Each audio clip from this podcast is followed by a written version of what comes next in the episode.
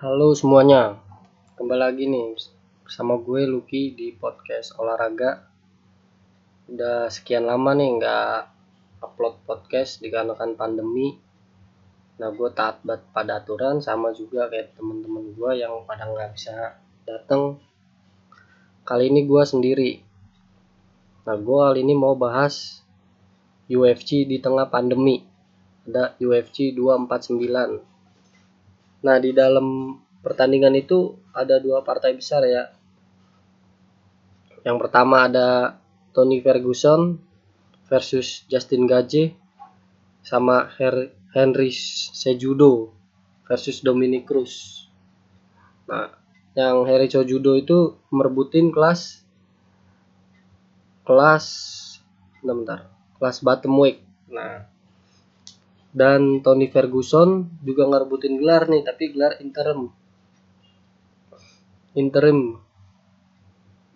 Kelas light heavyweight champion yang dipegang oleh Khabib Nurmagomedov. Nah pertama-tama gue mau bahas part partai UFC ini nih. Ini UFC yang ini banyak banget pro kontra. Ada yang bilang maksa lah orang lagi pandemi covid tapi tetap melaksanakan olahraga sedangkan di match-match olahraga-olahraga yang lain pada di stop ya di sepak bola juga di basket semua semua olahraga ada pada di stop. Yang negaranya sedang kena pandemi. Emang hampir semua negara di dunia ini sedang kena pandemi covid-19 jadi olahraga-olahraga di stop. Nah di sini tapi UFC nekat ngadain pertandingan nih. Pertandingan di tanggal 9 Mei tetap nekat ngadain pertandingan dengan alasan yang kuat tanpa penonton lah sterilisasi. Nah tapi pendapat gue sendiri sih gue setuju ya atas pertandingan ini gue setuju banget. Karena kenapa? Karena kita sebagai yang di rumah aja masyarakat biasa juga bingung. Mau ngeliat acara juga nggak ada yang menarik gitu. Cuman ada apa? Berita-berita udah gitu berita cuma seputar covid-19 acara-acara yang lainnya nggak ada yang menarik cuma sinetron-sinetron biasa. Nah di sini UFC sih gue setuju aja ya yang penting dia bisa menjamin kesehatan atlet staff semuanya yang terlibat.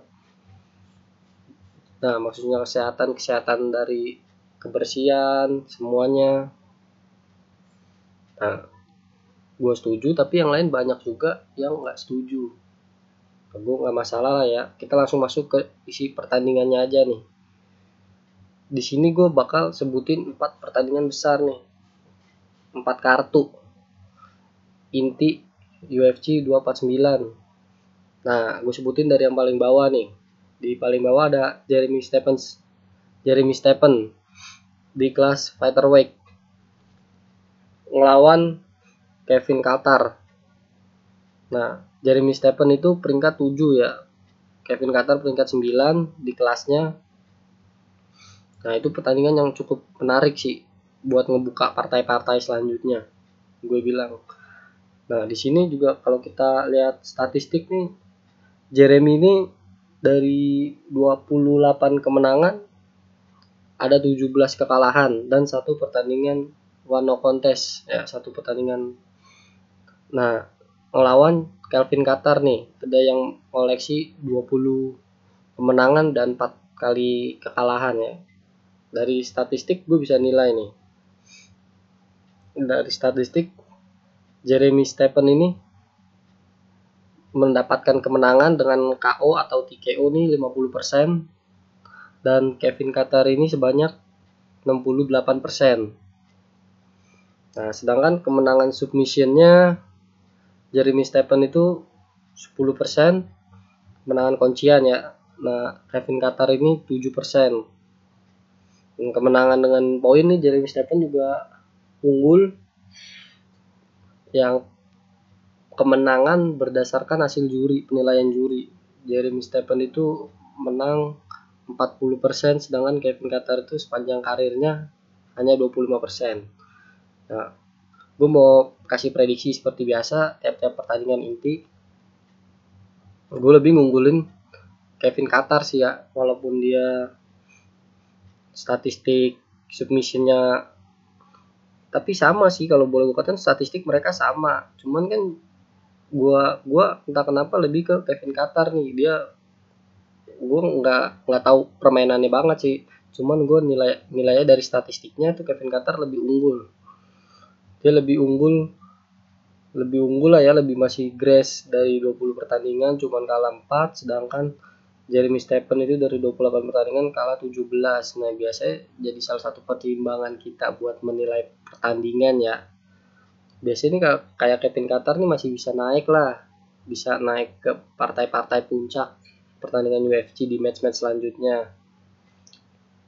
Nah kalau Jeremy Stephen udah banyak kekalahan gini biasanya susah guys. Kita kalau udah ngoleksi kalah-kalah yang banyak buat naik ke peringkat-peringkat atas tuh susah ngebaikin peringkatnya walaupun kita tetap ngerapihin ngerapihin kemenangan terus kalah gitu susah.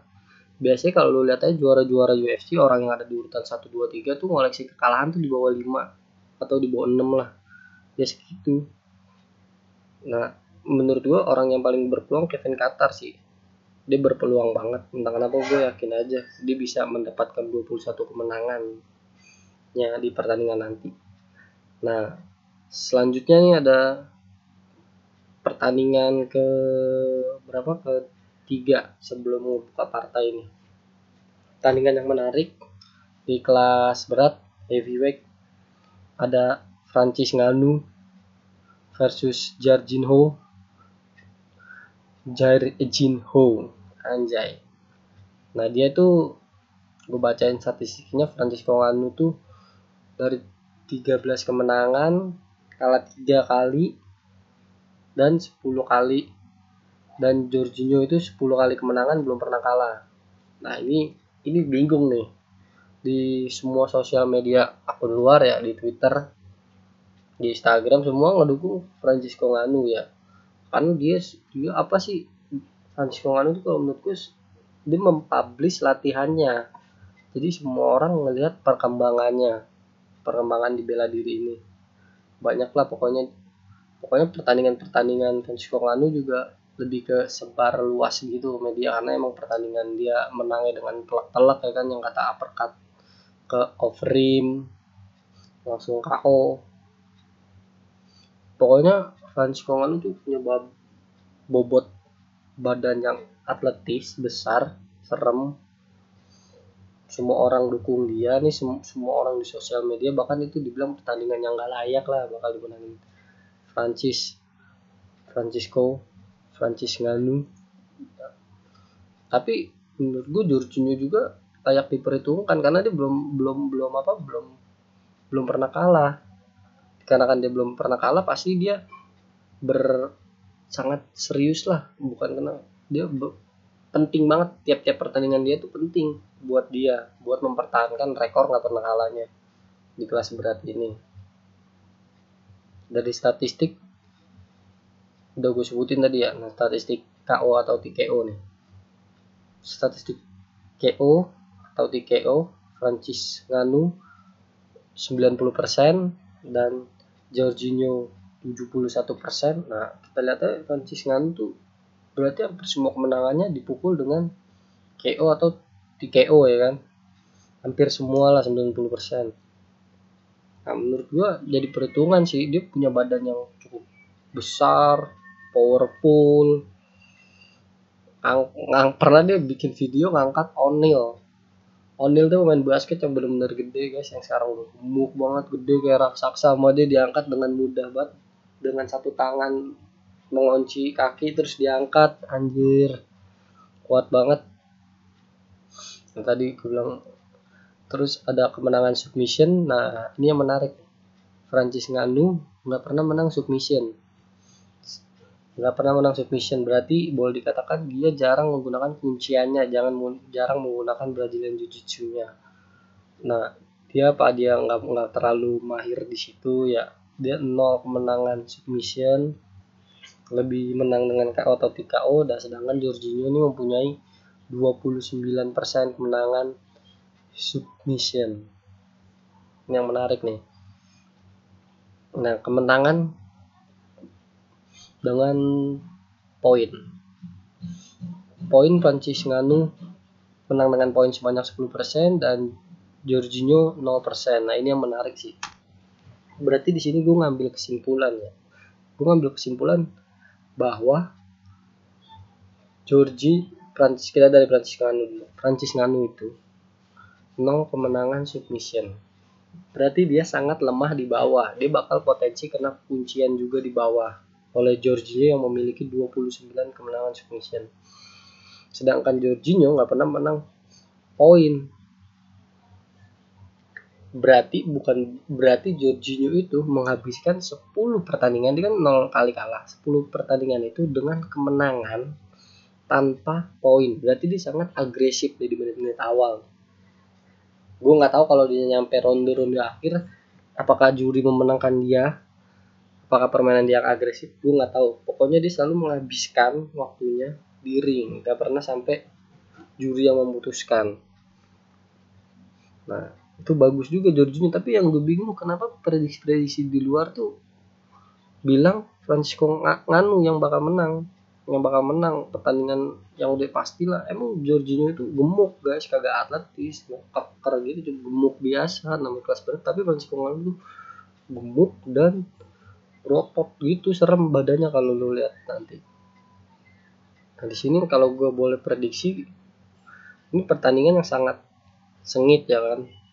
Sengit banget Jorginho butuh kemenangan tiap-tiap kemenangan untuk mempertahankan. Tidak akan kalahnya dia dan Francisco Nganu dengan banyak dukungan dan prediksi dia bakal berusaha tampil semaksimal mungkin dengan keadaan dia yang udah fit banget sih. Gue liat dia fit banget. Kalau gue prediksi sih gue bakal prediksi siapa ya? Gue bingung juga nih anjir. Tapi gue tetap prediksi Francis Nganu sih. Serius bakal sama sama versi orang emang fans Nganu.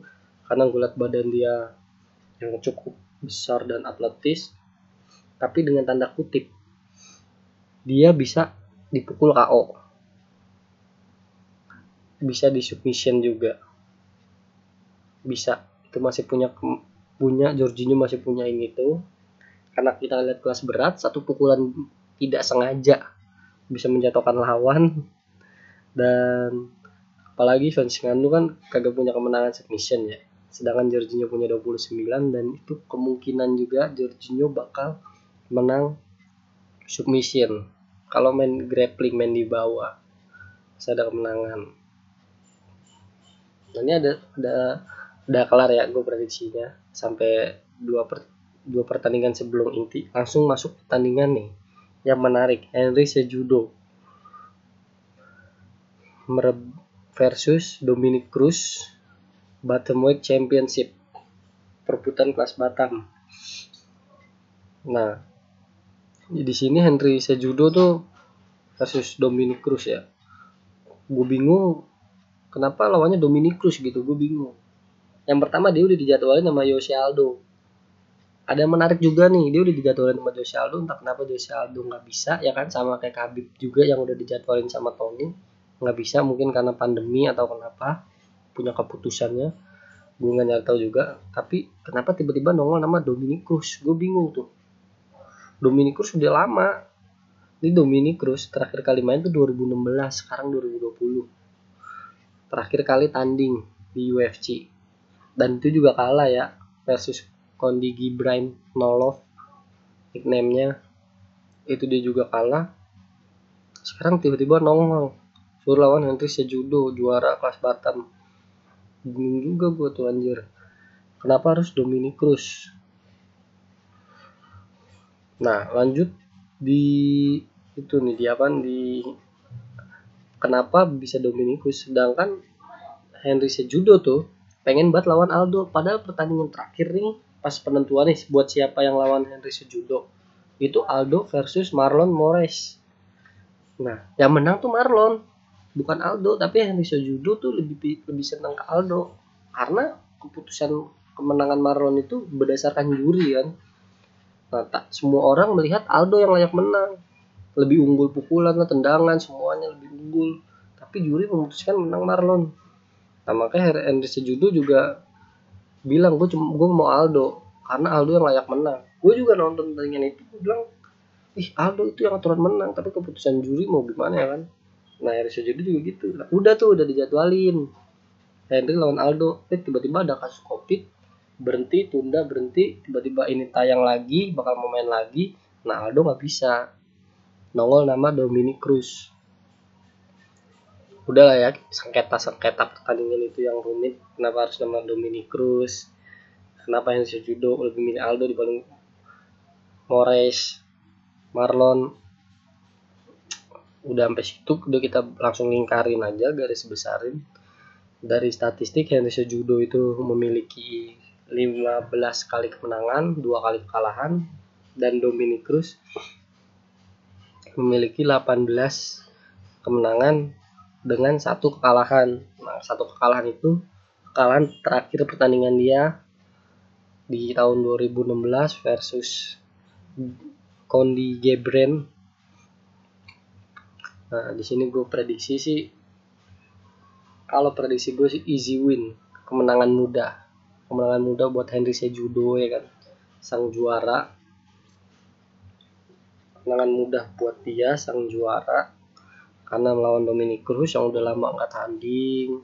Udah nggak tahu perkembangan dia. Di semua orang nggak tahu pasti ini kemenangan mudah lah ya buat Henry Sejudo mempertahankan gelarnya untuk kesekian kalinya nah lanjut ke partai utama nih partai utama ada pertandingan perebutan juara interim kelas lightweight champion.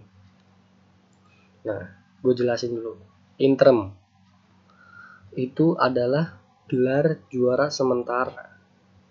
Jadi siapa pun yang menang pertandingan ini bakal bertanding lawan sang juara yang sesungguhnya. Jadi antara pertandingan Tony Ferguson versus Justin Gaethje siapa pun yang menang nanti dia adalah juara sementara dan tetap harus melawan juara sesungguhnya yaitu Habib Nurmagomedov. Nah, di sini sebelumnya Tony itu pernah pernah juara interim juga guys. Pernah juara waktu lawan itu Kevin Lee. Juara interim juga. Nah, entah kenapa lah pokoknya nggak gak sempat lawan sang juara yang sesungguhnya pada saat itu Conor McGregor karena dia cedera atau kenapa nah tiba-tiba bukan tiba-tiba sih nah langsung kembali pertandingan ini nah ini sebenarnya udah dijadwalin tuh antara Tony versus Khabib kembali lagi yang gue bilang itu pertandingan pertandingan ini semua tuh udah dijadwalin dari sebelum corona cuman sempat ketunda karena corona nah sekarang mau naik lagi Nah, Khabib nggak bisa tanding kenapa? Menurut situs yang gua baca tuh jadi Khabib tuh dapat kabar nih Rusia bakal nutup semua penerbangan keluar masuk.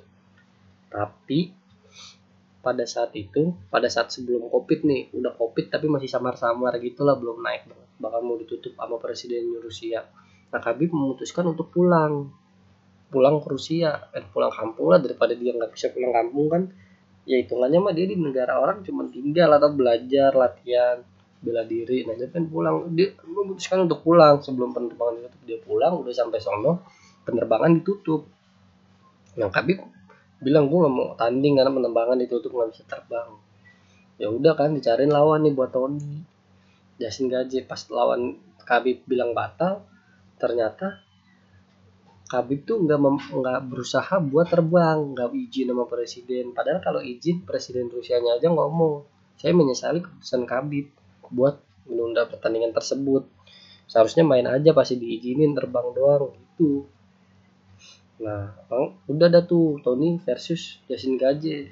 Padahal waktu lawan Khabib tuh yang ketunda corona tuh udah seru, udah berani si Khabib udah bacot-bacotan dah sama Tony pas di interview. Khabib bilang, lu itu cuman lu itu pernah kan Tony bawa sabuk gelar juara dia juara interim. Habib bawa sabuk aslinya bikinin nama Habib lu itu itu sabuk palsu lu tuh malu bawa sabuk itu. Juara sesungguhnya gua tak Habib gitu udah mulai bacot-bacotan lah sampai sabuknya Tony ditendang kan sama Habib. Nah langsung tuh bawa-bawa nama Gaje udah nongol nih. Nama Justin Gaje nah dari statistiknya juga Tony Ferguson tuh kembali lagi ke prediksi orang-orang prediksi orang-orang ya sosial media. Bakal easy win juga kemenangan muda buat Tony. Tony itu 26 kali kemenangan statistiknya dan tiga kali kekalahan. Dan dari sejudo itu 21 kali kemenangan dan dua kekalahan. Namun menurut gua ngomong easy win orang-orang kayak kagak mikir apa ya? Justin tuh lumayan juga anjir. Lumayan bisa main juga. Dia itu peringkat 4 Tony peringkat satu. Juaranya tetap Khabib. Jadi Tony hitungannya peringkat satu tapi juaranya Khabib. Peringkat satu di kelas nah semua bilang Tony bakal menang muda menang muda menang muda. Lah nggak juga. Tony aja waktu lawan Anthony Pettis gua nonton tuh udah sempet kalah berdarah-darah mukanya cepet berdarah lah. Dia kelihatan mukanya sering kena pukulan jadi muka-muka petarung yang cepat berdarah tuh karena luka lama yang gak akan sembuh. Ketika lu sering bertanding lu kan akan lu punya luka tuh. Nah luka itu udah nggak bakal bisa sembuh karena udah baru bertanding diobatin sembuh kena lagi kena lagi. Jadi bakal pecah-pecah terus. Tony itu punya muka yang kayak gitu cepat berdarah. Kayak mukanya Nick Diaz tuh yang setiap bertanding selalu berdarah. Dari statistiknya hasil KO atau TKO nih Tony Ferguson 85 pertandingan kemenangan KO atau TKO sedangkan Justin Gaje 48 kemenangan KO atau TKO nya 48% dan Tony tadi yang gue sebut 50 eh 85% kemenangan submission. Tony Ferguson mempunyai 5% kemenangan submission dan Justin Gaethje mempunyai 32 kemenangan 32% kemenangan submission. Dan untuk poin hampir boleh bilang beda tipis ya. Tony memiliki kemenangan berdasarkan hasil juri sebanyak 10% dan Justin Gaethje sebanyak 20% dari statistik ini gue bisa nilai nilai sedikit. Tony itu punya Brazilian Jiu-Jitsu juga ya. Yang gue tahu dia punya Brazilian Jiu-Jitsu teknik-teknik kuncian. Justin Gaje dengan 32 kali kemenangan kuncian juga memastikan dia mempunyai kuncian yang bagus. Menurut gua mereka berdua bakal bertarung di bawahnya. Ya nggak ada yang keunggulan lah pertarungan di bawah. Semua sama imbang untuk stand up pertarungan di atas Tony lebih unggul mutlak ya. Dia mempunyai kemenangannya 85% dari hasil kemenangan di atas. Sedangkan Justin Gaji mempunyai 48% Justin Gaji itu ya menurut gua dari di bawah 50% kemenangannya dia tidak berakhir dengan KO atau TKO dia tidak punya pukulan yang kuat ya. Nggak punya nggak bisa menjatuhkan Tony lah. Nggak bisa. Udah bener sih bener kembali prediksi bener bener orang-orang yang bilang kalau Tony bakal easy win menang muda dengan Justin Gaethje. Tapi kalau menurut gue buat nge-KO-in sih nge-KO atau TKO rada sulit ya. Mungkin bisa menang poin nih Tony sama Justin Gaethje gue Tony petarung yang kayak hebat-hebat banget sih di stand up-nya kalau menurut gue tapi nggak tahu dia mungkin udah latihan keras kan dari sebelum ketemu Khabib. Sebelum sebelum sebelum ini kan dia mau udah dijadwalin dari lama bakal ketemu Khabib. Mungkin dia sejak itu udah latihan keras. Dengan Justin Gaethje baru dipanggil sekarang buat tanding Tony mungkin unggul unggul latihan. Nah, ini pertandingan yang sangat seru sih. Pertandingan UFC 249 udah gua rangkum dari dari empat pertandingan tersebut bakal siapa aja yang bakal menang dan statistiknya gue bacain berdasarkan statistik di official resmi website UFC. Nah, oh iya ada satu lagi pertandingan yang ketinggalan. Ada pertandingan yang ketinggalan juga di pertandingan ini ada antara Cowboy Cerrone versus Anthony Pettis. Nah, itu seru juga sih. Lu lihat Cowboy gila tiap tahun pasti main. Tiap tahun pernah empat kali tanding pernah tiga kali dua kali sekali pokoknya selalu dah itu orang banyak respect semua orang sama dia. Kuat banget badannya nih setahun empat kali ribut. Terus kagak ada atlet yang kayak gitu jarang anjir. Dia doang. Demen banget nyari duit. Tanding terus tanding. Niat nah itu gue nggak bisa prediksi dah. Ntar lu lihat aja. Karena gue prediksi cuma 400 ada Cowboy versus Anthony Pettis juga pertarung yang gila. Anthony Pettis tuh setiap dia main pasti ada darah. Itu entah lawannya entah dia. Karena itu orang gila sih stand upnya tarungan dirinya anjing gokil. Pukul-pukulannya kuat banget. Nggak mau main di bawah di atas terus baku hantam gila anjing itu patut ditonton sih. Nah udah ya udah gue bahas tandingan UFC 249 dari kasus pandemi di tengah UFC di tengah pandemi ini. Nah ada empat pertandingan yang gue kasih prediksi buat lu semua yang bakal nonton nanti. Oke thank you udah nonton podcast ini. Jangan sebarin kalau bisa sebarin biar banyak yang nonton juga. Podcastnya gue bakal bahas-bahas tiap-tiap pertandingan lah nanti. Buat yang lu pengen tahu Instagram lu ala sport. Instagram akun ini ya. Yuk thank you